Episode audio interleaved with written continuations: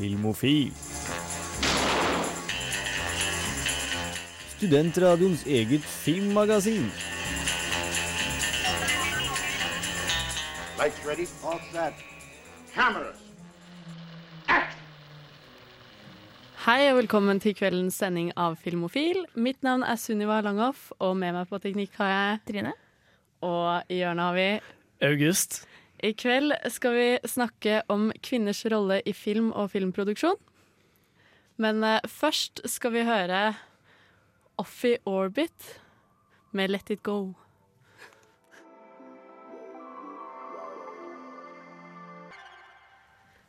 Det var altså Iffy Orbit med Let It Go. Og vi er eh, Filmofil. Eller du hører på Filmofil. Eh, Nå skal vi snakke litt om hva vi har sett den siste uken. Og hva har du sett, August? Nei, vet du hva, jeg har faktisk eh, vært en del på kino og filmklubb og lignende. Oi. Eh, på søndag så var jeg på eh, Studentersamfunnet Filmklubb sin søndagsfilm. Faen! Og det skulle på søndag. Ja, det skulle du, Trine. For da gikk Frankenstein fra eh, 1930, eller 31. Ja. Den er, var i hvert fall eh, overraskende bra. Eh, det, er, det, det er en fascinerende epoke i filmhistorien, akkurat de sånn tre årene rundt, rundt eh, 19, 1930. Fordi man hadde enda ikke innsett at Eller filmlyd var jo veldig nytt. Ja. Det kom jo i 29, men man hadde enda ikke innsett at man kunne bruke ikke-diegetisk filmmusikk. Altså sånn bakgrunnsmusikk som ikke hadde en del i handlingen. Så alle Eller det er, det er kun musikk i scenene hvor det er et band som spiller musikk, eller lignende. Um, Har de puttet inn mye band da, eller? Uh, ikke veldig mye, men det, det er jo der. Uh, det, det var en grunn til at backstage-musikalen ble så populær sjanger. For da kunne man ha masse musikalnumre, men folk skjønte alltid hvorfor det var musikk. Ja. Uh, men, eh, men i hvert fall, den var Altså, det er veldig sjelden du ser filmer fra den perioden som fortsatt fungerer i dag. Da. Men, eh, men eh, akkurat Frankenstein var, eh, den var overraskende underholdende. Det var særlig en scene hvor jeg faktisk ble sånn oppriktig sånn Å nei, dette var faktisk trist helt på ordentlig. Eh, og det, jeg hadde ikke forventa helt det, da. Og det var også en del veldig stilfulle scener. Så nei, Frankenstein er en, er en varm anbefaling. Wow. Um, men jeg har også vært på Cinemateket eh, på, på tirsdag og sett en annen eh, litt eldre film. Den var ikke like gammel, da. Men jeg så eh, 'Pickpocket' av eh, eh, Robert Bresson. OK. Ja. eh, han er en regissør som er sånn vagt tilknyttet fransk nybølge. Å, han Vekker det lei assosiasjoner til film, filmhistorien, Trine? Ja, det Ja. ja. Men ja, han- var liksom aldri direkte en del av den franske nybølgen, men han jobba liksom i samme epoke, da. Uh, han er også favorittregissøren til Joachim Trier. Wow. Så han er, en, han er en anerkjent type, og jeg hadde bare sett én film av han tidligere. Um, men uh, det var uh, Det var en interessant film, for så vidt. Så Bresson, altså. Verdt å sjekke ut. Det høres eh, kult ut, men her kommer Internity Forever med Fantasy.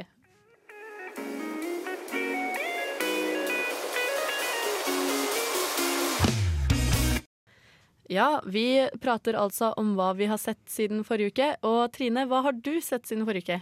Jeg har, jeg har faktisk vært på sånn filmklubbvisning sjøl. Neimen! Bare ikke Cinemateket, da, men uh, Trondheim Filmklubb.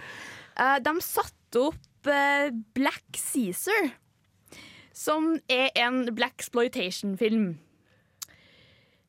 Hva er det for noe? Hjelp. Nei, jeg, jeg- kan veldig lite om akkurat eh, på en måte generelt exploitation-bølgen. Ah, Akkurat black exploitation har jeg aldri sett noe av. Men det handla vel om at man begynte å lage eh, filmer Eller hva skal man si Den, eh, den eh, afroamerikanske minoriteten eh, Eller ja, filmskapere, da. Afroamerikanske filmskapere begynte å lage filmer som lignet litt på det eh, på en måte mainstream eh, Hollywood-filmene lagde. Bare hakket snålere og billigere.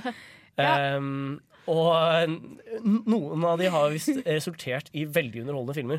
Fordi Black Caesar var liksom eh, Jeg var der jo egentlig på date, så Det var ikke akkurat beste datefilmen i verden, men ja ja. Hva, hva er plottet, sånn cirka? Jeg husker ikke. En eller annen dude som som går opp i mafiastigen i New York. Det, det, var så sært. Vi satt og flirte oss gjerne gjennom som mesteparten av filmen. Jeg tror vi var de eneste to i salen som holdt på å flirte. vi satt der og bare Hva er det her for noe? Men det er liksom på et tidspunkt sent i filmen så blir han skutt i magen. Og han går rundt en hel dag og liksom er skutt i magen, men har aldri blødd ut ennå. Han klarer liksom å drepe en annen person. Det er sånn spoiler alert, by the way. Men det er liksom Det er overraskende hvor lenge han fyren der var i live. Fy faen, altså. Han skulle jo dødd for en evighet siden. Så vi satt der og bare Hva er det her for noe? Jeg, jeg mistenker at det er en film som ikke er sånn kjempefarlig å få spoila heller. Nei. Det er ikke, det er ikke i på en måte plot-twistene underholdningsverdien ligger. Nei, men det, plutselig så kom det en rape En, sånn, en voldtektsscene inni der, og vi satt der og bare OK. Er det sånn du skulle ønske du valgte Bridget Jones? Vi fikk noe morsomt å prate om da på liksom gåtur rundt i byen etterpå, så det er så bare eh, I don't know. Ja, På en måte kan det jo være en sånn god lakmustest. Hvis, hvis du kan få noen med gjennom en sånn type film, så er det liksom Du lover, lover godt for at det kan være en omgjengelig, ja. omgjengelig type. Ja, da er det godkjent, liksom. Men det liksom går jo filmvitenskap, da, så det er liksom Ja, Det burde være et minstekrav, nesten. Dere har jo begge vært på sånne filmklubber og sett sånne gamle slagers og sånn. Eh, jeg har jo Eller for så vidt så er det jo en slager, det jeg har sett da. Jeg har jo ligget på sofaen og sett på Grace Anatomy sesong tre. Kost meg veldig der. Men eh, det er så gøy å se de gamle, for det, det er jo en ny sesong som holder på nå. Eh, og da det kom en ny episode av den, da, og så hopper det liksom fra sesong 13 til sesong 3. Ja, det, Og det er så sånn det, er- det, det har falt sånn i kvalitet. så det er liksom sånn Jeg har egentlig ikke lyst til å se den nye episoden, fordi at det er så spennende i den gamle sesongen. Åh, det, det er litt som når jeg satte meg ned og ser Supernatural, om jeg liksom går tilbake til sesong én. Ifra De er på sånn sesong tolv nå, eller noe sånt. Og det er, så, det er så rart å se, for at de var liksom så små og så, så lyse stemmer. Og så bare Hva i verden er det som har skjedd med den TV-serien her? Den har bare gått av skaftet. Åh, jeg husker jeg hadde en skikkelig morsom opplevelse uh, med eksen min uh, en gang vi bestemte oss for at nei, nå må vi sette oss ned og se et eller annet. Ja. Uh, og hun var sånn Å ja, men Supernatural det er jo egentlig skikkelig kult. Det bare tapte seg skikkelig de senere sesongene da de begynte å snakke om følelsene sine og sånn. og, så, og så satte vi på første episode, og sånn Ja, men ha, det, det, jeg huska det ikke som at de snakka så mye om følelsene sine hele veien. Det er jo i hvert fall ikke et problem i Grace Anatomy, da. Fordi der er det følelser all the way. Ja. Eh, Det er veldig stemning, da, og alle er skikkelig unge. Og det er liksom Fordi serien handler jo liksom om hele veien deres til å bli leger. Mm. Så i de tidligere sesongene så er de så uvitende og dumme og gjør så mye feil. Og ja, ja. Men uh, nå skal vi høre Bloody Forest Family med Bodie.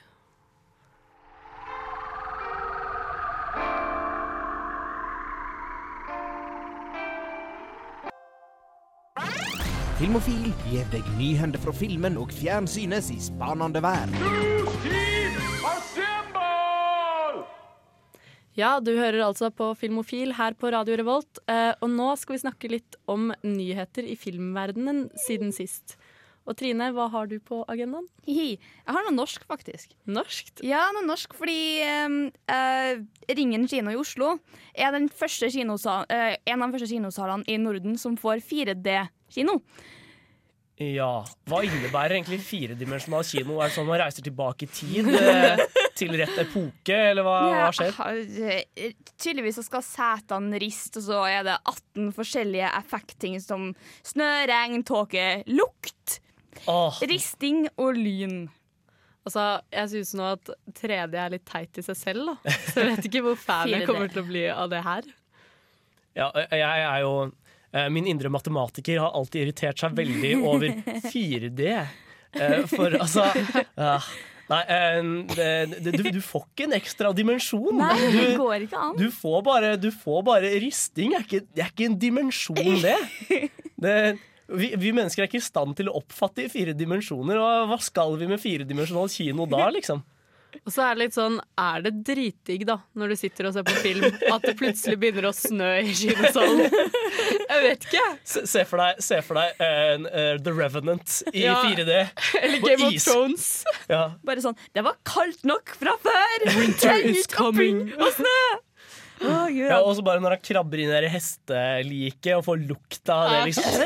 Trenger jeg det? Men jeg, er i hvert fall, eh, jeg håper de holder seg til sånne type actionfilmer, da. For det er veldig kleint når det blir sånn Titanic 4D. Det blir veldig kaldt. Nei, jeg er faen ikke optimistisk, men jeg lurer på om jeg skal sjekke det ut når jeg er i Oslo neste gang. Eh, Guardians of the Galaxy 3 skjer tydeligvis. Ifølge James Gunn så skal den filmen bli lagd, men han er ikke sikker på om at det er han som skal lage den. Altså, nå må vi jo vente og se hvordan toeren blir først. Nei, nei. nei, nei. Treeren skjer. Ja, okay. Ja. Det er satt fast liksom bare sånn treeren skjer, men vi vet ikke om James Gunn skal regissere den eller ikke. Nei, jeg, jeg syns jo det er litt trist på en måte, for jeg, er jo skeptisk allerede til Guardians of the Galaxy 2. Ja, For jeg har ikke lyst til at Guardians of the Galaxy skal kobles sammen med resten av Marvel-universet. Jeg har virkelig ikke noe behov for det. Jeg tror det hadde vært mye morsommere hvis Ja. de hadde reist rundt alene og vært sånn scavengers sammen. Eh, Litt sånn Serenity eller Firefly-følelsen. Den, den vil jeg ja. egentlig ha. Jeg skjønner det, men de er jo liksom Marvel-karakterer, og alle Marvel-karakterer har jo nødt til å møtes, da. Ifølge Marvel. Ja, eh, og det mener jeg kanskje er det aller største problemet med Marvel. Ta for eksempel Ant-Man. Ant- Ant-Man hadde vært mye bedre uten liksom, hva, hva gjorde Falcon i den, eh, i den filmen? Veldig lite. Han, han fikk den inn i uh, Civil War, Eh, ja. teknisk sett. Men det er liksom, det er jo Det er jo Jeg skjønner jo det for dem som har fulgt tegneseriene dritlenge liksom, og bare har venta på å se det på storskjerm, at det er veldig morsomt at det er mange karakterer som møtes. ja. Det er jo en um... grunn til at de gjør det. Det tjener jo penger, for det første. Også, Det er kanskje grunn én. Ja, og så oppfyller også veldig mange av små eh, nerders drømmer, da. Ja, ja.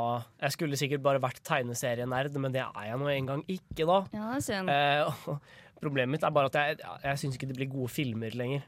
Um, det er, jeg er filmofil, ikke tegneseriofil. Å, herregud. Ja. Det er jo både om. Jeg orker ikke være med på den nyheten, men vi går videre! vi går fra én tegneseriefilm til en annen tegneseriefilm. Suicide Squad 2 Nei. Uh, har muligens fått liksom writeren sin. Og det er tydeligvis han som har skrevet The Legend of Tarzan, som kom ut i fjor med han Stellans Nei, sønnen til Stellan Skarsgård? Alexander Skarsgård? Det, det høres ut som han, ja. Ja, fordi Tarzan-filmen fikk jo dritbra kritikk, og da må jo han få lov å lage en oppfølger til Suicide Squad, for det blir sikkert Ja, nei, kjempebra. han skal bare skrive den. Ja. Han skal, sk Det høres jo ikke lovende ut, da. han skal skrive skiten. Ja, Og så blir det muligens Mel Gibson som skal regissere skiten. Så Oi! Ja, men det er, Da det er ikke så ille. Nei, men det har vi snakka om før. Ja, det er sant, det. Det, det, det har vi. Men, men nei, jeg, jeg, har, jeg har større tro på Mel Gibson enn jeg hadde til han eh, David Ayer, som hadde forrige Ja. Suicide Squad-filmen. Det, er sant. må jeg jo si. Men, nei, jeg tror ikke Suicide Squad 2 kommer til å bli noe bra uansett. Jeg skjønner ikke hvorfor de skal fortsette å lage forbanna filmer. Bare, øh, kan ikke DC-universet bare dø? Ja, nei, det det har jo uh, skjedd eh, Kan jeg ta en kjapp nyhet her fra Norge også? Hey! Kanonprisen ble jo delt ut under Kosmorama forrige uke. Dessverre Ja. den kvelden vi hadde sending. Så vi, vi, fikk ikke, vi fikk ikke dekka det. Men altså, prisene derfra er jo også litt spennende. Beste manus gikk til Pyromanen, eksempel. Samme gjaldt beste regi. Um, og ja, selvfølgelig beste mannlige hovedrolle ble Jesper Christensen fra Kongens uh, Nei. Så klart. ja, ikke sant? Hva ellers? Men nå skal vi over til en eh, aldri så liten låt. The XX med 'Dangerous'. Husk å puste. Nei, hæ, hva for noe? Det ble feil. Det kommer, det kommer en liten pause etterpå. Med, ja, det kommer pause etterpå, ja. For et program i burra med både klasse og stil. Du hører på Filmofil. Ja, du hører altså på Filmofil her på Radio Revolt. Eh, og nå skal vi snakke litt om eh, eh, deg, August. Ja, la oss snakke litt om meg her på Filmofil. Nei, la oss ikke gjøre det. altså, vi skal snakke om anmeldelsene du har gjort denne uka, da. Eh, ja. For du har vært på kino. Jeg har vært på kino, eller eh, jeg var egentlig på kino under Kosmorama. Mm. Um, men en av filmene de viste der, har eh, ordinær kinopremiere denne uka, faktisk. Eh, ja. Det er bare å løpe på kino i morgen, for eh, dette var en uh, Dette var en av de det er, så deilig når man kan lage en positiv anmeldelse, for en gangs skyld. Jeg endte opp med å se mye litt sånn middelmodige filmer for filmofil, men akkurat denne er en av de jeg var sånn Yes! Det er jo alltid det man skal gjøre i starten. Skal ikke se noe bra med en gang, vet du. Nei, men det gikk altfor lang tid før jeg fikk sett dem bra. Men, eh, men ja, dette er en av de, da. Så jeg tenker vi bare kan sette i gang, jeg. Brødreparet Jean-Pierre og Luc Dardenne er noen av vår tids mest prisbelønnede regissører. Hver eneste film de kommer ut med, ender opp i hovedprogrammet i Cannes, og de er blant de få utvalgte som har tatt hjem hele to gullpalmer. Jeg skammer meg derfor litt over at Kvinne ukjent er mitt første møte med dem. Konsensus blant kritikerne later til å være at dette er blant deres svakeste filmer så langt. Men hvis det er tilfellet, er jeg nødt til å få ræva i gir. For for meg var dette et av filmvårens høydepunkter så langt. Hallo? Oui. Ah, bonsoir. Non, non. On n'ouvre pas, on a déjà dépassé d'une heure.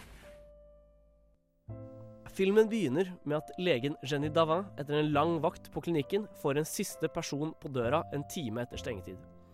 Sliten som hun er, avviser hun personen og tar kvelden, men morgenen etter viser det seg at den unge jenta som ringte på, er funnet død. Gjennomsyret av skyld blir hun besatt av å finne ut hvem jenta var, og om hun selv kunne gjort noe for å redde henne. Je l'ai entendu. Julien, le stagiaire, voulait ouvrir, mais j'ai pas voulu. C'était plus d'une heure après la fin des consultations. Vous ne pouvez pas savoir. On va vous montrer les images. Si vous la connaissez, ça peut nous aider beaucoup parce qu'on n'a rien trouvé sur elle. Ni papier, ni GSM. Det som slo meg mest idet jeg gikk ut av kinosalen etter Kvinne ukjent, var hvor sliten jeg følte meg. Dette har sammenheng med at tilskueren, i likhet med Jenny, aldri får hvile.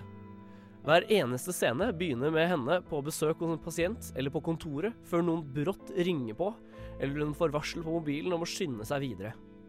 Denne strukturen opprettholdes gjennom mesteparten av filmen, og selv scenene hvor hun får slappe av et øyeblikk, avbrytes av en pipende telefon eller noen som vil besøke henne.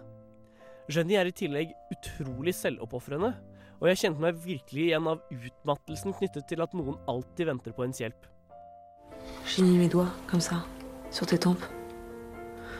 J'ai senti ton cœur qui battait deux fois plus vite que juste avant quand j'avais pris ton pouls. Je pense que c'est parce que tu venais de voir l'image de la fille. Dette gjør henne likevel ikke til en kjedelig karakter. Hun har bein i nesa og vet hva hun vil, men hun stiller alltid opp for folk som trenger hennes hjelp. Denne motsetningen fører til nærmest tragikomikk i scener der hun pleier folks kropper, samtidig som hun brutalt spør dem ut. Dette gir også karakteren hennes dybde, og skuespiller Adele Anael spiller sliten, men bestemt, med så stor overbevisning at jeg ble helt utkjørt av å se på. T'as vu quelqu'un qui la suivait Et c'est qui ce quelqu'un qui prétend l'avoir vu ici Je vous accuse de rien.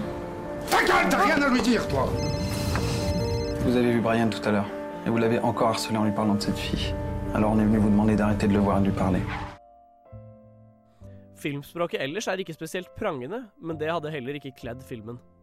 Den bærer preg av håndholdt kamera, små sett og mange nærbilder. Dette realistiske uttrykket er typisk for Dardenne-brødrene, og fungerer godt også her.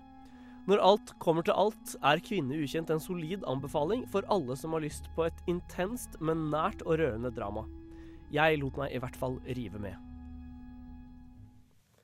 Ja, det hørtes jo veldig spennende ut, da.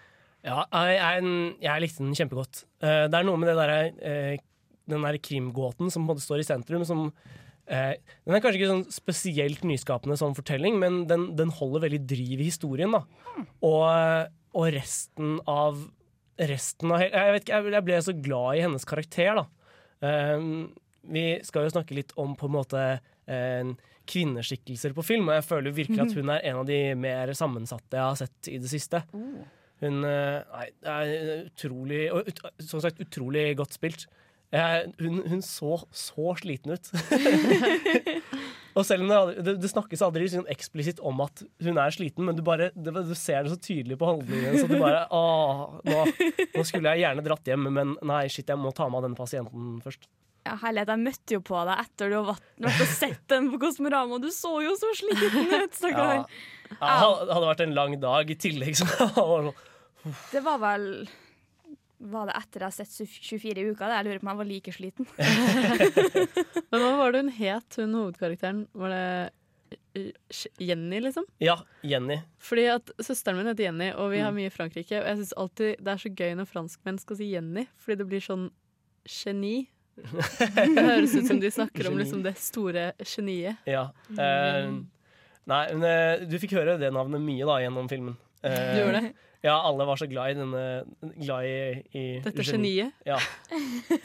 Nei. herregud. Men, eh, men nei, det var eh, en veldig god karakter. Og altså, birolleregisteret også. Det var mye, mye herlige sånn snåle belgiere. Eh, men, eh, men nei, jeg, jeg syns jo det er helt utrolig at denne den har fått så lunken mottagelse som den har fått. Eh, den ligger jo på sånn Jeg vet ikke, jeg, jeg, jeg tror den har en uh, gjennomsnittlig sånn score fra kritikerne på sånn uh, noen og 60 av 100. Så den er liksom ikke spesielt ja, den, har ikke, den har ikke blitt spesielt godt mottatt. Men uh, jeg, jeg, jeg tolker det bare som at resten av filmene til Darden-brødrene er liksom uh, Ja, top notch. Så ja, Helt jeg, fantastisk. ja, Liksom. jeg gleder meg skikkelig til å se, se mer.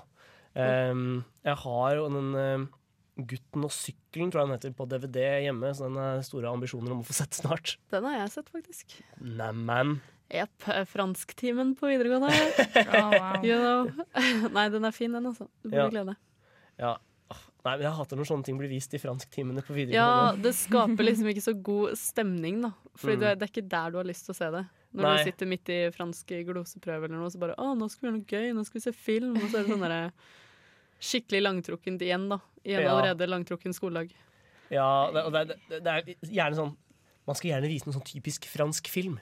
Det er ikke snakk om å vise noe litt underholdende som man kan komme seg gjennom. Man skal se sånn Jean de Florette, så vi både på ungdomsskolen og videregående. Jeg kan ikke fordra den filmen, men jeg tror det er mest fordi jeg så den i fransktimen. sånn delikatessen, da. Der, eh, der er jeg, jeg er veldig omvendt. da Pappa viste meg Jean de Florette, mens eh, i fransktimene så så vi type Asterix og Obelix og, og Pinnsvinets eleganse. Utrolig Mm. fin film. Nei, vi, så, vi så også Taxi-filmene i fransktimen på ungdomsskolen. De var, eh, de var ræva, for å, for å si det sånn. Men eh, ja, det var, det var en viss underholdningsverdi, da. Det var det. Ja, eh, Festlig, for så vidt. Ja, Skal vi høre en liten låt, eller? Ja! Ja! Oi. Eh, Punky eh, Papagayo med Gooseberry. Det høres bra ut.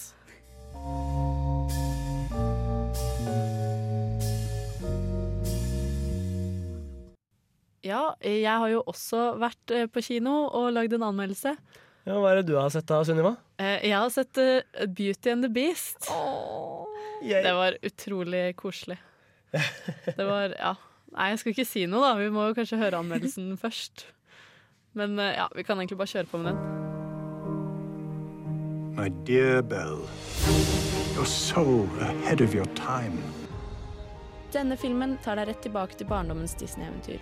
Men på tross av storslagne sangnumre og et stjernespekket cast, klarer den allikevel å være noe kjedelig.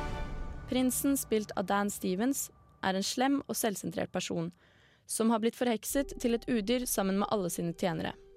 Det eneste som kan bryte forbannelsen, er i gammel god stil ekte kjærlighet. Bell, spilt av Emma Watson, er en jente fra en liten landsby i nærheten. Landsbybeboerne er kritiske til hennes tanker og intellektuelle væremåte. Når Bells far blir fanget av udyret for tyveri, bytter Bell plass med han og blir dømt til å leve i slottet med udyret og hans forheksede tjenerskap.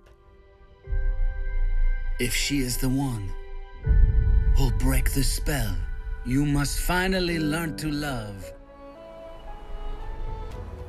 Filmen gir deg lite nytt.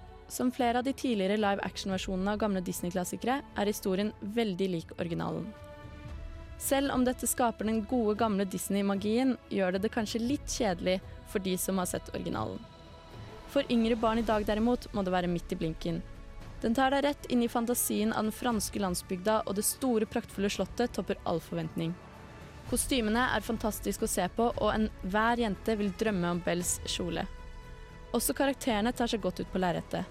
Det er fint å se hvor hardt de har jobbet for å få de forheksede møblene så menneskelige som mulig, samtidig som de har klart å lage dem relativt like som i tegnefilmen. Skuespillerne bak møblene er også utrolig godt castet. Hvem er vel mer perfekt i rollen som Mrs. Pott enn Emma Thompson? Musikken er også god, og flere av skuespillerne overrasker med sangstemmen sin. Musikalnumrene er stemningsfulle, og de gir en egen glød til filmen. Look, a girl. Who said that? Hello. You can talk. Hello, of course. It's all he ever does. Happens when the last petal falls? The master remains a beast forever. And we become antiques. Hovedrolleinnehaverne gjør også en god innsats. Dan Stevens tar seg godt ut som Disney-prins, og Emma Watson passer perfekt i rollen som Belle, der hun fint fletter sammen den evige romantikeren og den selvstendige moderne kvinnen hun fremstilles som. Det eneste som plaget meg litt, var at karakterene noen ganger er litt for teatralske for min smak. Dette er helt sikkert et bevisst grep fra filmskapernes side, men til tider ble det litt for mye av det gode. Selv om du dras rett tilbake til barndommens fantasifulle verden, gir filmen deg på ingen måte noe nytt, og jeg tviler på at jeg kommer til å se den flere ganger. Jeg skulle virkelig ønske Disney turte å være litt mer vågale når det kom til de nye live action-filmene sine. OK, jeg har et spørsmål. Ok, Trine. Hvordan, hvordan, hvordan var Luke Evans som Gaston? Det er det eneste jeg har lyst til å vite. Altså, det er litt sånn teit. Jeg skjønner at eh, barn ikke legger merke til det her, men når de Hele castet har sjukt britisk aksent. Og så foregår hele handlingen, noe de poengterer ganske tydelig i filmen, i, i Frankrike. Og så kommer det én dude med sånn jævlig fransk aksent. Det, det er jo akkurat det samme med tegneserien. da Ja, det er akkurat Det det. er med tegnefilmen. Men det er liksom bare Jeg, har, jeg, jeg, jeg gleder meg Jeg skal for å se den filmen, og jeg gleder meg sånn til å høre Luke Evans som Gaston som bare ah! Ja, altså, det var, eh, ja, altså, det var Lumière som hadde veldig fransk aksent, da. Ja. Men uh, uansett, det, han gjorde en ganske god jobb. Både Lumière og Gaston var veldig bra. Uh, og det er litt sånn derre Selv om de blir litt teatralske, så er det egentlig ganske Du får samme feelingen som de har i tegneserien. da Det er veldig gøy å se på. Ja, nei, jeg, jeg er jo egentlig mest in, Eller det som interesserer meg mest med filmen, er jo egentlig de to hovedrollene. Mange måter. Jeg, jeg har jo prøvd å få sett det meste Emma Watson har kommet ut med, fordi Ja. hun er en flink jente. Ja. Eh, og jeg er veldig veldig svak for en uh, liten sånn uh, thriller-klass Eller thriller-kultfilm-ish som heter The Guest med Dan Stevens. Hvor han er sånn, hvor han er sånn eh, morderisk superhunk. Den, ja. men den er, men, men altså, jeg, er veldig spent på hva de, hvordan de kommer til å fungere. Altså, Emma Watson gjør en utrolig god jobb. Hun er skikkelig sånn Hun er en bra Bell, liksom. Men jeg, jeg er veldig fan av Emma Watson. Altså, jeg liker henne veldig uansett hva hun gjør. Men hun får liksom til den der litt sånn lure smilet. Samtidig som hun er veldig sånn uskyldig jente, da, så er hun veldig tøffing. Og det er kult, syns jeg i hvert fall. Jeg lurer på om hele vår generasjon egentlig er fan av Emma Watson. Altså, Ja, Du kan ikke la være å like henne, liksom. Nei, hun er skikkelig sånn Altså, til og med jeg crusher. uh, Ja, herregud, hvem er det som ikke crusher? Og Dan Stevens også er sånn Han er veldig sånn Han er jo kjekk, da, hallo! Har noen sett Downton Abbey? Han er jo dritfin, men han er jo monster hele filmen, og så får du se han sånn de siste to minuttene, og da blir jeg litt sånn skuffa, da. For det kunne godt hatt han bitte litt lenger som prins. Skulle hatt litt mer eye candy, liksom. Litt mer eye candy. Bitte, bitte litt. Altså, jeg skjønner jo at det, det er fint at de liksom slutter filmen når historien er ferdig. Men det er liksom Det er én scene når han blir prinsen, og så er det én scene på sånn dansegulv med tusen andre mennesker. Så du får liksom aldri se han skikkelig som prins, da, og det var litt skuff. Trist. Nei, det er tre scener. Tre scener er. Spoilers. Sorry. Har dere, dere har ikke sett tegneserien, da, eller? Tegn, tegnefilmen fra 1991?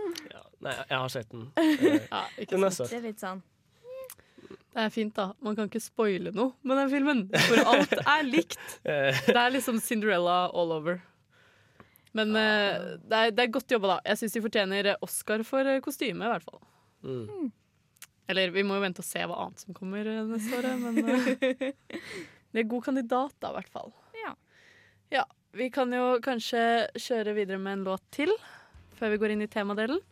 Her kommer 22 med You Are Creating.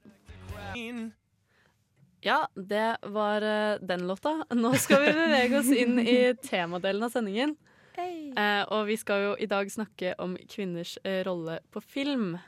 Hva tenker dere om det, da? Ja, nei, det er, jo, det er jo en kjent sak at kvinner er temmelig underrepresentert, både foran og bak kamera.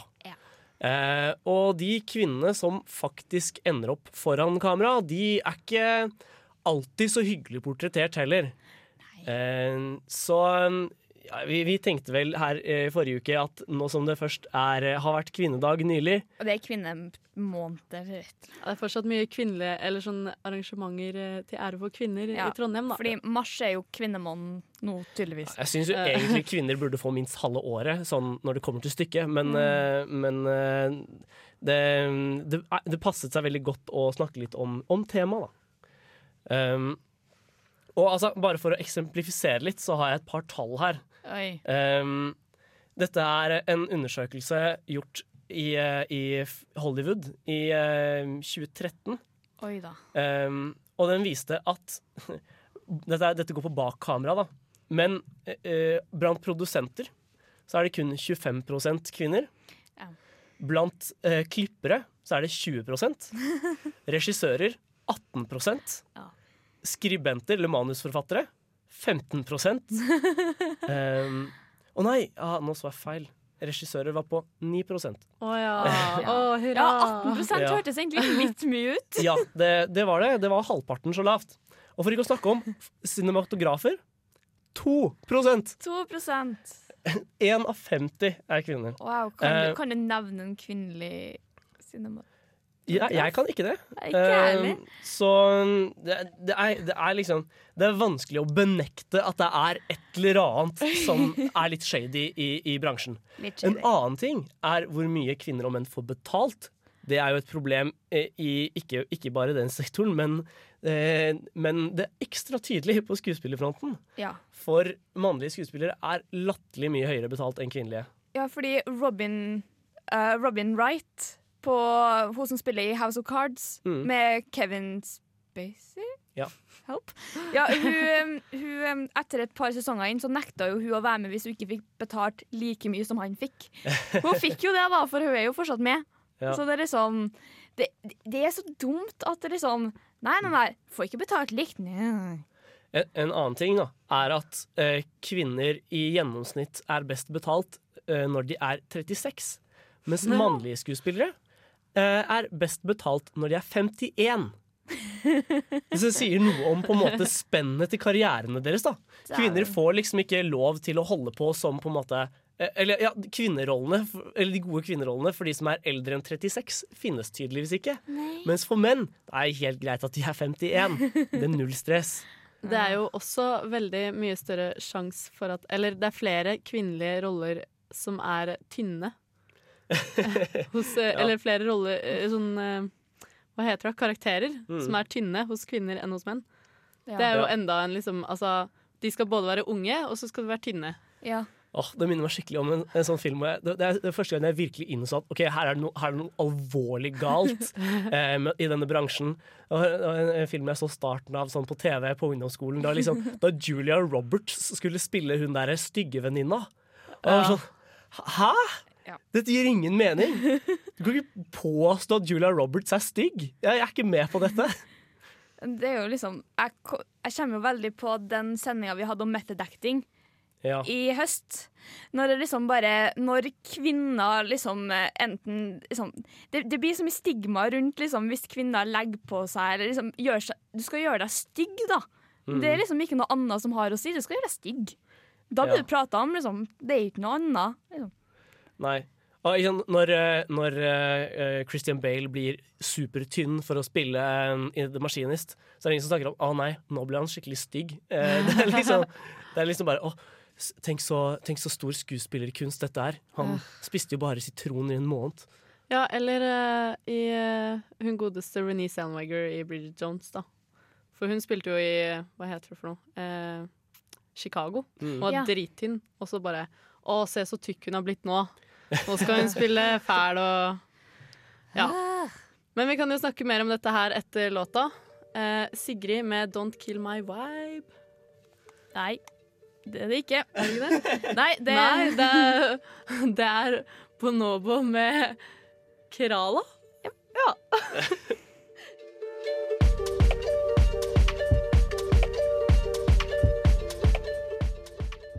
Ja, det var altså Bonobo med Kerala der. Eh, vi skal snakke videre om eh, kvinners rolle i film.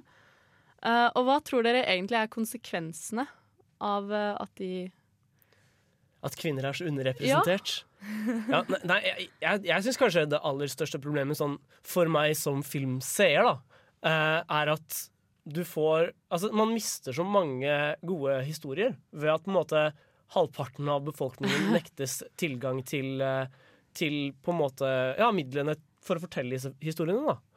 Jeg er veldig enig. Jeg tror det hadde vært mye mer variasjon i det vi fikk sett på kino, og hva som ble lagd, hvis eh, det var flere kvinner inne. Både i manus og regi. Klipp også, sikkert. Mm. Jeg, jeg, jeg føler faktisk en, en veldig relevant film å trekke fram her er eh, 'Arrival'. For det er en film om en kvinne. Og den uh, rollen kunne ikke vært spilt av en mann. Det Nei. er en kvinnerolle. Ja. Men uh, han manusforfatteren som skrev manus til 'Arrival', hadde jo gått rundt med seg til studio på studio for å prøve å få filmen finansiert. Og han hadde hele tiden fått til svar at liksom ja, ja, ja, Vel og bra, men kunne ikke gjort hovedrollen til en mann.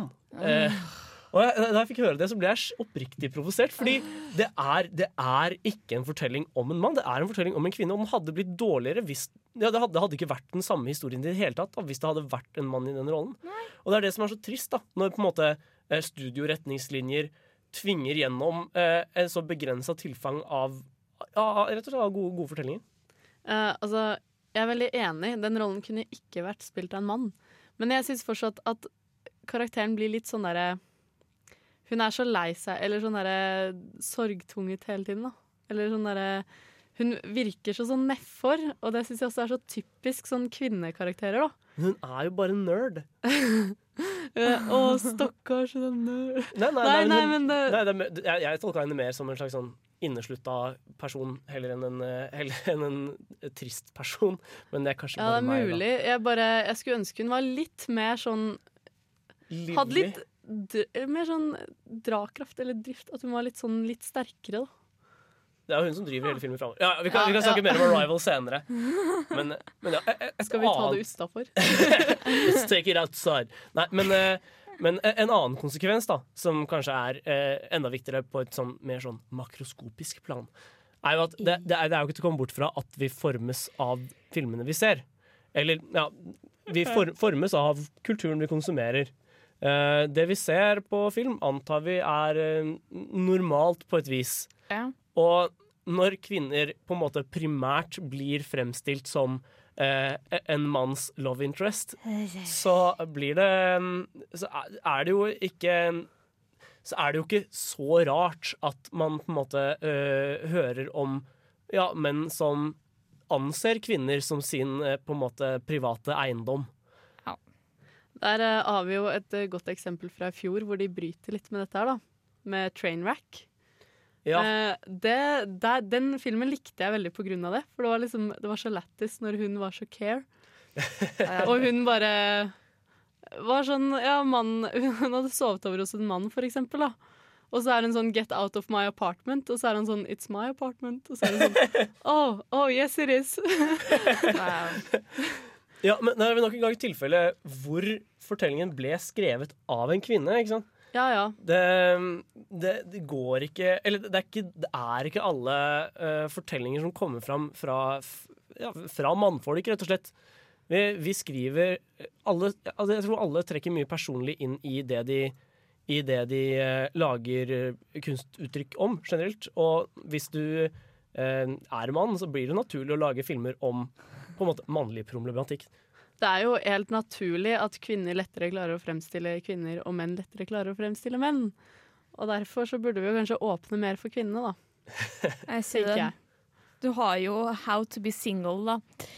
Nei, det likte jeg ikke så godt. Nei, jeg gjør ikke det, men det er regissert av en mann. så Ja, det er ikke så rart. En prøve. Jeg tror han prøvde. Og så er jo Ish. Dakota Johnson med, og da faller det litt for meg med en gang. Etter Fifty Shades of Grey. Hey. Ja, Det er jo ikke kjent for å være blant de sterkeste kvinnerollene vi har sett de Nei. siste åra. Hun bedra seg litt i toeren, det skal de ha. At hun hadde litt mer tær, liksom. Du ser jo liksom hvor det feiler av og til når mannfolk prøver å lage filmer som er liksom sentrert rundt kvinner. da. Mm. Jeg syns liksom han som lagde uh, 'Bridesmaids', fikk det litt til. Kevin Feig, er det det han sier? Uh... Ja, jeg tror det. Nei, det, nå blander jeg. Ja, jeg tror det. Eh, Eh, det er han Marvel-produsenten. Uh, uh, Um, eh, Paul Feig. Paul Feig. Det var, noe, det var Feig. Eh, Det var Feig. eh, men ja, han fikk jo mye skryt fra feministmiljøet angående Ghostbusters også. Hei. Ja. Ja. Skal vi Nå skal dere få Sigrid med 'Don't Kill My Vibe' eh, her på Radio Revolt.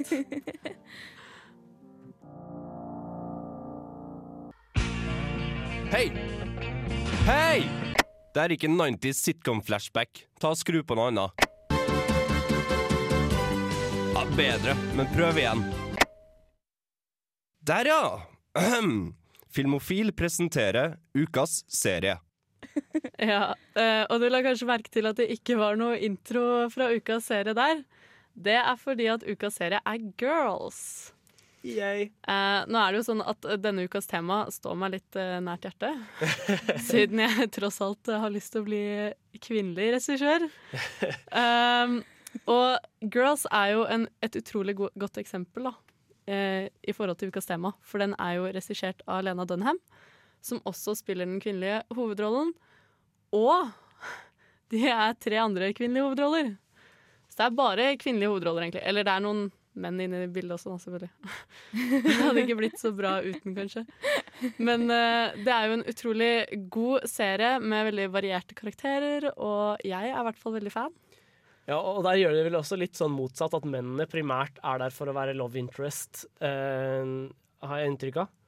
Ja, love interests, eller, eh, venn, eller for det er en sånn gay BFF, da. Ja, selvfølgelig. Uh, han, det er veldig gøy, egentlig, fordi han har vært uh, Hovedkarakteren Hannah hadde et uh, forhold når hun gikk på college, tror jeg det var, til han Er det Andrew han heter? Jeg husker ikke. Men til han gay BFF-en, i hvert fall, uten å vite at han var gay. Møter han igjen et par år senere. de slår jo opp fordi han er gay. Eh, og grunnen til at de møtes et par år senere, er jo fordi at han har gitt henne ph.v. og det det ender med da, er jo ikke sånn derre Oh, I hate you og alt mulig sånn. Det ender jo med at han flytter inn og at de blir roommates. Naturligvis. Nei, det er veldig morsom serie, da. Det er veldig mye humor. Uh, jeg er veldig skuffet over at ingen av dere to har sett den. Nei, eh, TV-serier er jo så, ikke helt min greie. Som, eh, jeg føler det er sånne eh, serier vi må, eh, Det er sånne ting vi må nevne minst én gang hver sending. Tydeligvis. Typisk når vi kommer til ukas serie. Det er sånn uh, tradisjon det nå, August. Ja. Du kommer ikke unna det her nå. Eh, men, eh, men eh, når du kommer til, eller sånn innad blant TV-serier, er jo på en måte situasjonskomedien eh, en sjanger jeg har eh, problemer med sånn, sånn utover å bare være TV-serie. Så jeg, jeg syns pinlige ting er veldig problematisk. Ja, Da er det kanskje ikke serien for deg, da. Eh, for det er en del pinlige situasjoner. Men det er noe med det derre den, den er så ærlig, den serien. Det er så sykt mye sånn derre OK, noen av situasjonene er kanskje litt over the top, da. Det er ikke sånn som jeg kanskje tror ville skjedd med meg. jeg har ikke vært sammen med en homofil fyr som har gitt meg ph.v. og spurt han om å være roommaten min etterpå, liksom. Men allikevel, da. Det er veldig sånn ærlig. Kameraføringen er ærlig. Karakterene er utrolig kule, og de er så forskjellige alle sammen. Og den, ja, det er veldig god karakterutvikling, og jeg er i hvert fall veldig fan. Og, og den er jo aktuell med ny serie nå. Nei, sesong nå. Det er ikke siste sesong nå. Det er siste sesong som går på HBO Nordic nå. Fuck HBO Nordic. Derfor har jeg ikke sett det, fordi HBO Nordic vil bare klikke, og da klikker jeg. Trodde du hadde funnet en løsning på det der. Ja. PC-en, men det blir så, øh, så mye stress. Dette er, dette er også en sånn returning feature. Trine som misliker HBO Nordic. Men, eh, men en annen ting som vel er ganske fint med serien, basert på det lille jeg har sett av klipp og sånn, er at karakterene ser litt realistiske ut også.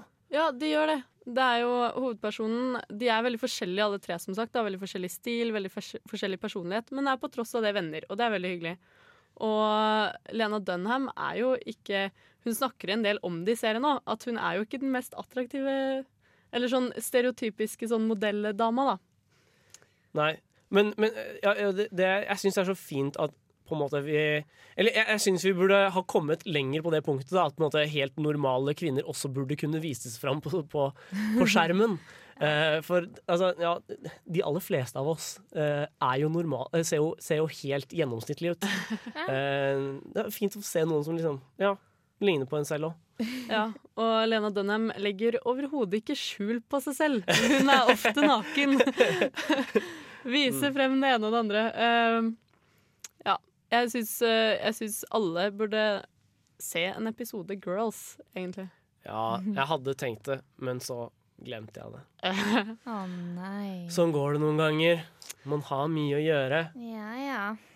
Ja, vi setter over til Hunted Mansions med Sunshines Sunshine Crawlers. Etterfulgt av en liten pause. Nei. Nei. Den kommer etter Den kommer etter det igjen. OK, greit.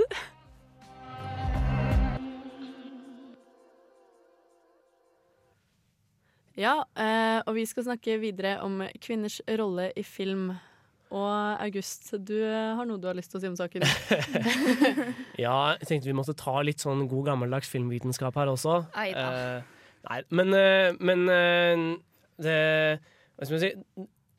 Uh, filmmediet blir veldig ofte beskyldt for å representere et slags sånn mannlig blikk. Eh, og det er en veldig nyttig på en måte, innfallsvinkel til eh, å på en måte se på film og, og, og kjønn med. da. For eh, i 1975 så kom ei dame som heter Laura Mulvey med en veldig kjent artikkel hvor hun skrev om det såkalte male gaze. Som på en måte handler om hvordan kamera ofte tar på seg rollen til et blikk som, eller, til et, måte, eller til et par øyne som er veldig mannlig i hva de velger å fokusere på. da. Eh, bare tenk på situasjoner der en kvinne skal introduseres. Og vi begynner med å på en måte fokusere på beina hennes, og så følger vi hele kroppen liksom langsomt oppover før vi ender opp på ansiktet. Oops. Ja, ikke sant? ja, og selv i filmer jeg liker, så er det sånn Ah, shit, de måtte ta Ja, æsj.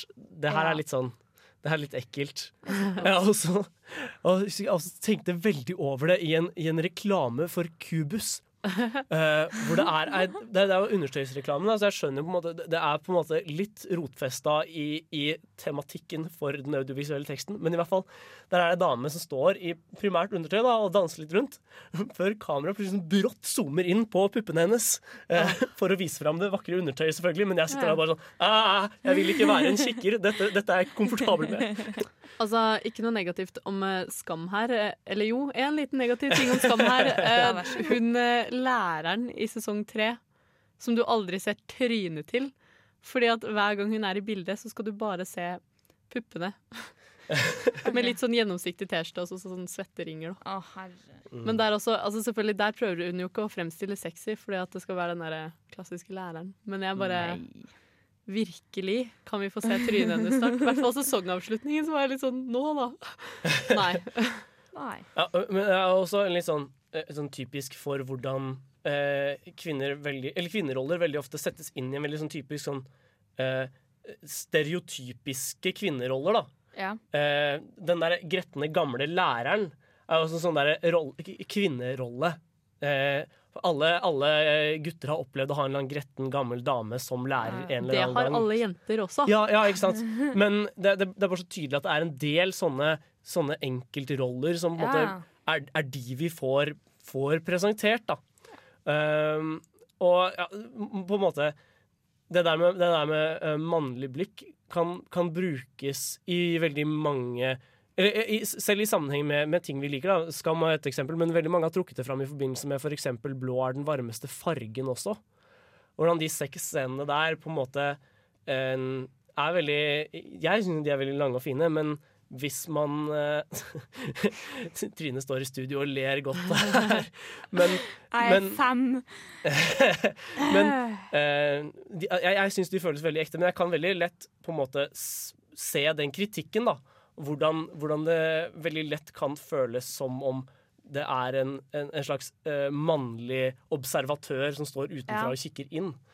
Um, et, et annet begrep som er veldig mye eh, brukt mer, mer i, i media og sånn, da, er den beryktede Bechdel-testen. nei.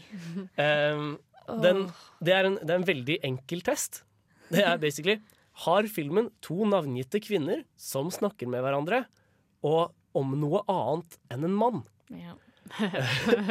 Og Du skulle tro at dette er, dette er en ganske enkel test å bestå, men det er fascinerende mange filmer som stryker. Det var litt morsomt, for at jeg hadde en hjemmeeksamen der jeg liksom satt og prata om liksom kvinnesynet i Jurassic World. Og så kom jeg med argumentet at eh, velociraptorene er kvinner. De har navn. Vi vet ikke hva de prater om, så teknisk sett så består Jurassic World Bechdel-testen. Ja, ja og, og det må jo sies da Denne testen har blitt tatt veldig mye lenger enn dens på en måte opprinnelige intensjon. Uh, det er veldig lett å kritisere uh, Bechdel-testen. For, uh, det, er jo, det er jo en kjempeenkel test, og den sier veldig lite om hvordan filmen generelt er. Mm. Men det som er påfallende, er hvor mange filmer som stryker, da. For altså, du, skulle tro at de fleste filmer skulle ha ja, man, man, man burde jo kunne forvente ca. 50 kvinner i, i, en, i en vanlig film. Det er tross alt 50% av befolkningen, om ikke mer. Men, men nei da. Eh, og hvis de først er med, så har de typisk ikke navn. Og, men hvis de først har navn, så snakker de aldri med hverandre. Ja, ja. Og hvis de snakker med hverandre, snakker de alltid om menn. Eller så, eller så har du alltid den stygge venninna Ja, ikke liksom, til den sexy hovedkarakteren. Så sånn, ah. Det er jo ikke det at vi ikke snakker mye om gutter, da. vi, vi gjør jo Men jeg tror, det. jeg tror gutter snakker mye om jenter òg, og det Ja. kommer ikke fint frem på film. Nei, eh, og poenget er vel mest at dere snakker jo faktisk om andre ting. Ja, vi gjør jo det. men Bare sånne ting som at altså, Harry Potter-serien da har jo, har jo en del sterke kvinnelige uh, roller. Uh, men det er kun én av Harry Potter-filmene som består Bechdel-testen. Hæ? Hvilken av dem da? Det husker jeg ikke. Jeg husker bare jeg leste, Hæ? leste talested. Ja, ikke? Du skulle tro Det er helt sjukt. Snakker ikke liksom McGonagall og Hermione eller uh, Ginny og Hermione eller liksom Er det ingen av de som uh... det, det er veldig, veldig få interaksjoner mellom kvinnene. Det er typisk mellom kvinnene og, og guttene, da. Wow. Det er litt sjukt, ass. Ja, uh, men vi må videre. Vi skal høre The Shines med 'Painting a Hole'.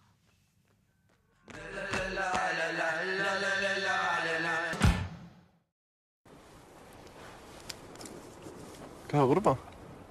Nei, det er litt sånn spesielt. Jeg tror ikke det er noe du har hørt om, egentlig. Ah, ja. Test meg ut, da. Ok. Filmofil. Faen, mann, det er jo en klassiker. Satan, har du hørt det? Jeg skal ha hørt om det. Filmofil der, altså.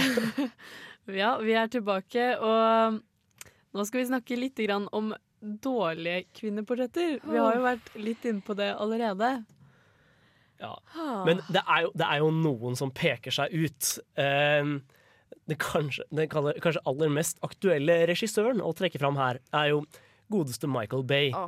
Og du kan kritisere han for mye rart, men en av de tingene han er mest skyldig i, det er å ha skikkelig dårlige kvinnekarakterer. Ja, ja, han liker jo bare store eksplosjoner og store pupper, gjør han ikke det? Mm. Ja. Nei, og, og store muskler. Det liker han også. Ah, Um, Daddy's got to work. Nei, det er kanskje eh, ikke han. Nei, Nei, det ikke han. Men, Men, eh, men eh, det, i hvert fall jeg, jeg minnes veldig Bad Boys, den aller første filmen han lagde. Eh, for selv om det er Megan Fox som har blitt mest kjent som den endimensjonale kvinneskikkelsen til, eh, til eh, Michael Bay i Transformers-filmene, så er hun ikke i nærheten av like ille som hun i første Bad Boys-filmen. Dette er ei sånn noen og 20 år gammel, superpen jente. Og hun har virkelig personligheten til en tiåring.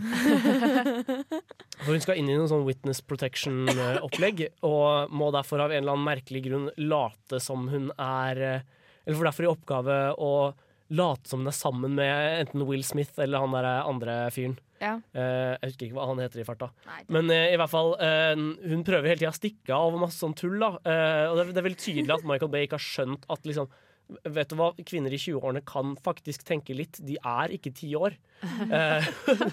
Eh, virkelig, virkelig stokk dum og skikkelig sånn trass, sånn barnslig sånn trassalderjente. Å, herre. Kan jeg få nevne noe annet? Jeg, jeg nevnte jo Jurassic World i stad.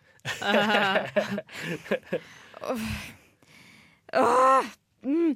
Seriøst, kvinnesynet i den filmen gjør så vondt langt inni sjela, for det er liksom Enten så har du uh, den skrikende mora, eller så har du hun kontordama som bare bryr seg om jobben. Jeg skjønner ikke hvordan hun farter rundt de forbanna stiletthælene sine. Du kan ikke springe bort fra en T-rex i de forbanna stiletthælene! Det går ikke. Og så har du forbanna sekretæren hennes, som bare blir plukka opp og drept på den mest brutale måten ever. Men, Gud! men hun har jo i hvert fall en sånn høy rolle der, da. Altså, hun har jo i hvert fall en bra jobb, liksom. Det betyr ingenting. Det, betyr noe, men samtidig, da, når, liksom, når, når de er ute i bushen, og hun får beskjed av eh, Chris Pratt sin liksom tøffe, mandige karakter Owen.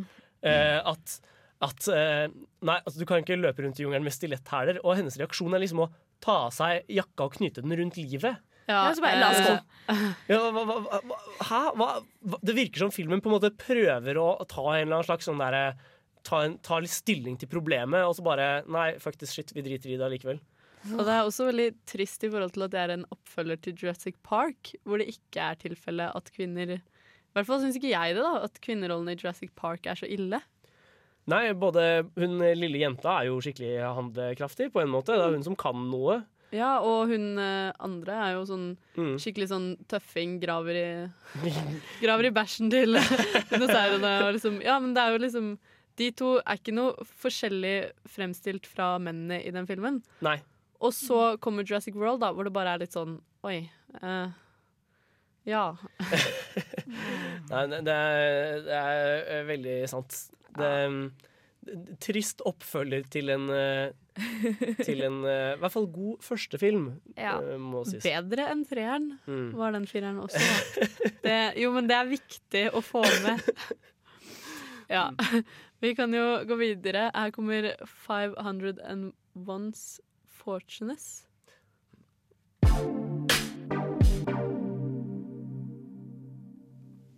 Ja, eh, og nå her i Filmofil skal vi snakke litt om eh, kvinnelige regissører. Det er jo ikke å legge under teppet at det er få av de i forhold til hva det er mannlige regissører.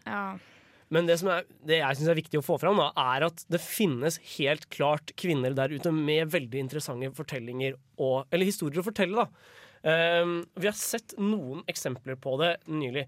Uh, I høst hadde vi jo sending med, med Eller hadde vi jo Filmofil-sending om Sofia Coppola. Ja. Så vi trenger ikke gå så veldig nøye inn på henne akkurat nå. Da kan dere heller sjekke ut vår sending fra ja, det var vel i eh, november eller oktober. Ja, noe sånt. Men uh, i hvert fall, hun er en kjempespennende dame. Men uh, ei som er mer aktuell, er jo Andrea Arnold. Ja. Uh, for hennes uh, American Honey er kanskje den beste filmen eh, jeg har sett fra årets Cannes-festival så langt. Mm. Det er den og 'Kvinne ukjent' jeg har likt best. nå. Men, men altså Årets Cannes-festival ble jo øh, beskyldt veldig for på en måte å ikke ikke benytte muligheten til å gi priser til kvinnene som var med. For både Andrea Arnold med, med American Honey ble kjempegodt mottatt. Og det Mm. samme gjaldt uh, Maren Ades Tony Erdmann. Um, Og ja, Tony Erdmann fikk jo ikke en eneste pris. Og um, American Honey måtte nøye seg med en sånn uh, jurypris som på en måte er tredjeplassen. da um, Og det har hun fra før av, fra Fish Tank. Ja.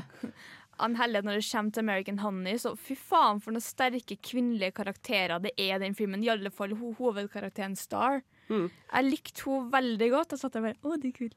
Men, og- men også hun som på en måte er sjefen deres, Ja. er jo en kvinne. Det er hun som driver og sender Shia LaBeouf rundt og Nei, det det er en, det er, det er en, det er en historie jeg, tror jeg, jeg ikke tror en mann ville lagd. da Nei. Ikke på samme måte, og ikke på langt nær like bra. Jeg hadde ikke fått til hun sjefen da, på en så genuin måte da, som det virker som Nei. hun får til. da. Uh, og så har vi jo også et par uh, damer som virkelig har begynt å liksom, komme seg inn i mainstream Hollywood. Eh, særlig Catherine Bigelow er jo det beste, eller mest kjente eksempelet der, i hvert fall. Eh, hun eh, var første kvinne til å vinne Oscar for regi, eh, og vel så langt eneste. Eh, for The Hurt Locker. Det er, kun, det er kun totalt fire kvinner som har blitt nominert til Oscar for beste regi. Det er stusslig, ass. Ja, Det er skikkelig trist. Det skal jo også sies at uh, kvinner kommer mer på banen når det kommer til serier, da. For det er veldig mange av de store seriene for tiden hvor det er kvinnelige regissører. Og størst der er jo kanskje Shonda Rhimes med Grace Anatomy og How to Get Away with Murder. Sånn ABC. Masse Ja, ABC-serier. jo, jo, men uh, allikevel, da. Hun har faktisk kommet så langt at folk kjenner igjen navnet Shonda Rhimes. Det er sant. Selv om de kanskje ikke er filmnerds, så veit de faktisk hvem hun er, da. Mm. Og det er ganske godt jobba. Selv om det er serier som Grace Anatomy og How to Get Away with Murder.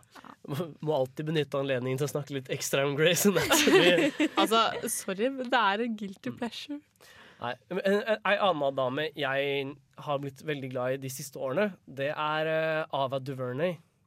Uh, hun har uh, regissert eh, Hun er aller best kjent for Selma. Men han har også å ja. lagd en del indiefilmer før det, som eh, In the Middle of Nowhere, som er verdt å sjekke ut.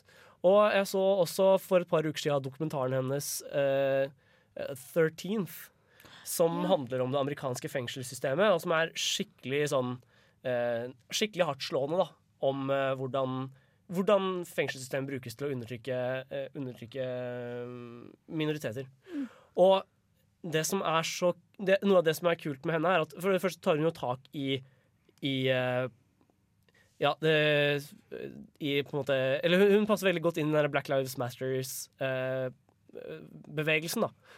Og filmene hennes er faktisk skikkelig gode. Jeg har sett Tarantino blant annet kritisere dem, og det syns jeg er skikkelig rart. For hun, hun har en veldig tydelig stemme, da, og ja, særlig Selma er en film alle burde se. Jeg er veldig enig der. Selma er utrolig fin. Mm.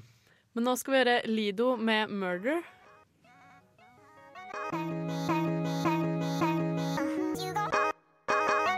Play it Sam. Det er jo alltid å ha musikk når den er påtent. Helst noe indisk eller pakistansk. Ukas filmlåt. Ja, og ukas filmlåt her i dag, det er 'Let It Go' fra Frozen. Endelig. Nei! Faen, sånn får jeg for å ikke være med å planlegge sendinga. Faen. Kommer til å gå rundt med Let It Go på hjernen for alltid. Og man kan jo kanskje skjønne hvorfor det er ukas filmlåt. Ja, altså, det er jo Det er jo få eh, f- låter med et så på en måte tydelig eh, feministisk budskap på mange måter enn eh, enn det Let It Go har. Og altså, Disney-prinsessefilmene er jo veldig spennende å snakke om i forbindelse med på en måte sånn ja, ja, litt sånn kjønnskritisk analyse, fordi du finner veldig mye forskjellig der. Ja. Eh, hvis du går tilbake til starten, Å nei, la oss ikke gjøre det. så er det et par som er litt sånn Å å ja. Særlig, særlig Sleeping Beauty har jo Ja, fått uh, men- mye tyn. Uh, hun uh, sover mesteparten av filmen, og før det snakker hun heller lite. Men så må man også komme på hvilken tidsperiode de filmene kom ut, og kvinnesynet på den tida, da. Og så har jo Disney reddet Liksom. seg inn der også, med Maleficent. uh, nei. Ja, Nei. Den, den, den filmen var bedre enn jeg hadde trodd, men det sier ikke så veldig mye. Eh, men, men ja, du, du, det, det var en del spennende tematikk der. Og altså, Angelina Jolie gjør jo en, gjør jo en god rolle, da. Eh, jeg syns jo hun var en, var en sterk kvinnekarakter på mange måter, selv om filmen ellers var litt tøysete. Men uh, i hvert fall, man har sett en veldig sånn Veldig helomvending da, kontra det bildet man fikk på 50-tallet de siste årene. Ja. Ehm, med ikke bare Frozen, som kanskje er den som har fått mest oppmerksomhet for det, men, ehm, men også sånn ja, Prinsessen og frosken. Ehm, som i tillegg har en ja, afroamerikansk eh, ungjente som, uh, som prinsesse, for en gangs skyld. Den har jeg faktisk bare sett på spansk. Merkelig nok.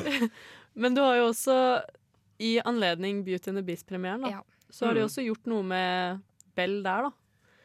Ja. Fordi I den nye filmen så er hun mye mer sånn hardbarka og sånn. Du merker liksom at det er i den der nye Disney-spiriten hvor du skal ha litt sterkere kvinneroller, da. Ja, På én side har jo, var jo hun alltid en ganske selvstendig karakter. Da. Hun liksom leste i bøkene sine, dro ut i skauen alene. Og liksom, eh, hun, hun var ikke hun var ikke noen stokk dum. Sånn som Ariel også er jo helt håpløs. Ja, er hun, Ariel hun er dust i huet. Ja. Stokk dum.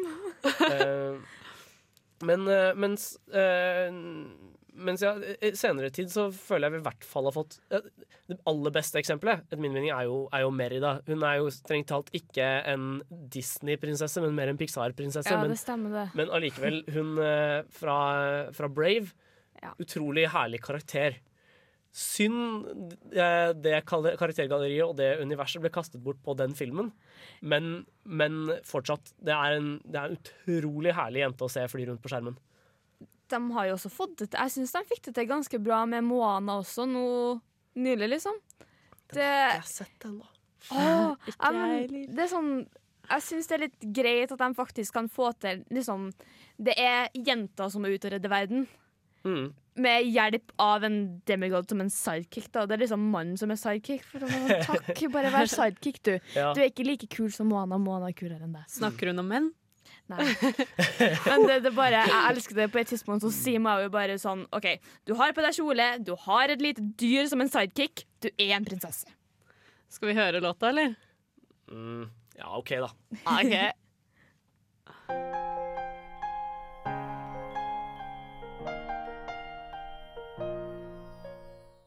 Ja, det var da Let It Go fra Frozen. Og det er jo flere gode nyheter eh, på den fronten. For det blir jo faktisk en Frozen 2.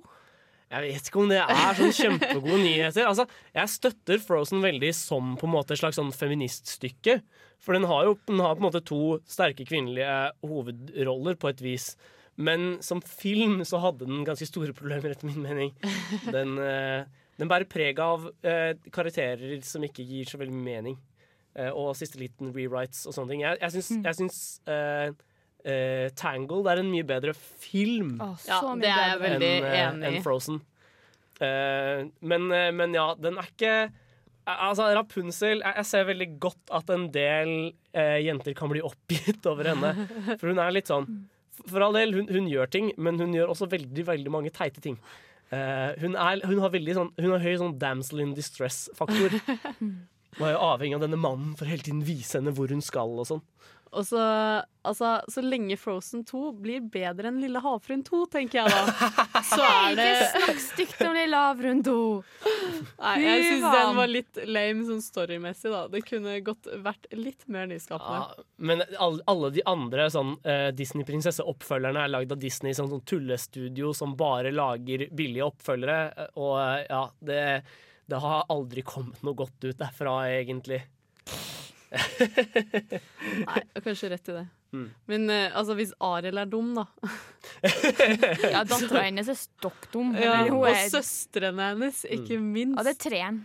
Nei, nei, men i eneren òg, når du får mm. se ja, søstrene, sånn, så er det bare sånn De er enda dummere i treeren. Åh, herregud, fins det en treer? Ja. Det var ikke jeg klar over engang. Nei, nei, du ser at mora hennes dør, og så blir musikk banna i hele Atlantis. Åh. Veldig Høres ut som et solid plott. Mm. Men uh, skal vi prøve å vende snuten mot neste uke, kanskje? Det kan vi jo gjøre. For neste uke så skal vi jo snakke om uh, filmer fra 2000 til eh, 2009. Ja, vi bestemte oss vel for å ha en aldri så liten topplistesending. Hey. For å gjøre noe litt annet, eh, så vi kan eh, gjøre dere lyttere fornøyde. oh, wow. Gi dere litt variasjon. Så da blir jo ukas hjemmelekse å se en, din favorittfilm fra 2000-tallet. Yay! Og nå ja. Skal vi vel takke for oss, kanskje? Ja, det syns jeg vi burde. Ja. Eh, på, på teknikk har vi hatt Trine. Og Augu... Nei. og på sida av meg her Jeg, heter August. Jeg heter Sunniva Langhoff. Takk for oss her fra Filmofil. Du skal få eh, dessert med checkmate. This is a toast to all we've been through.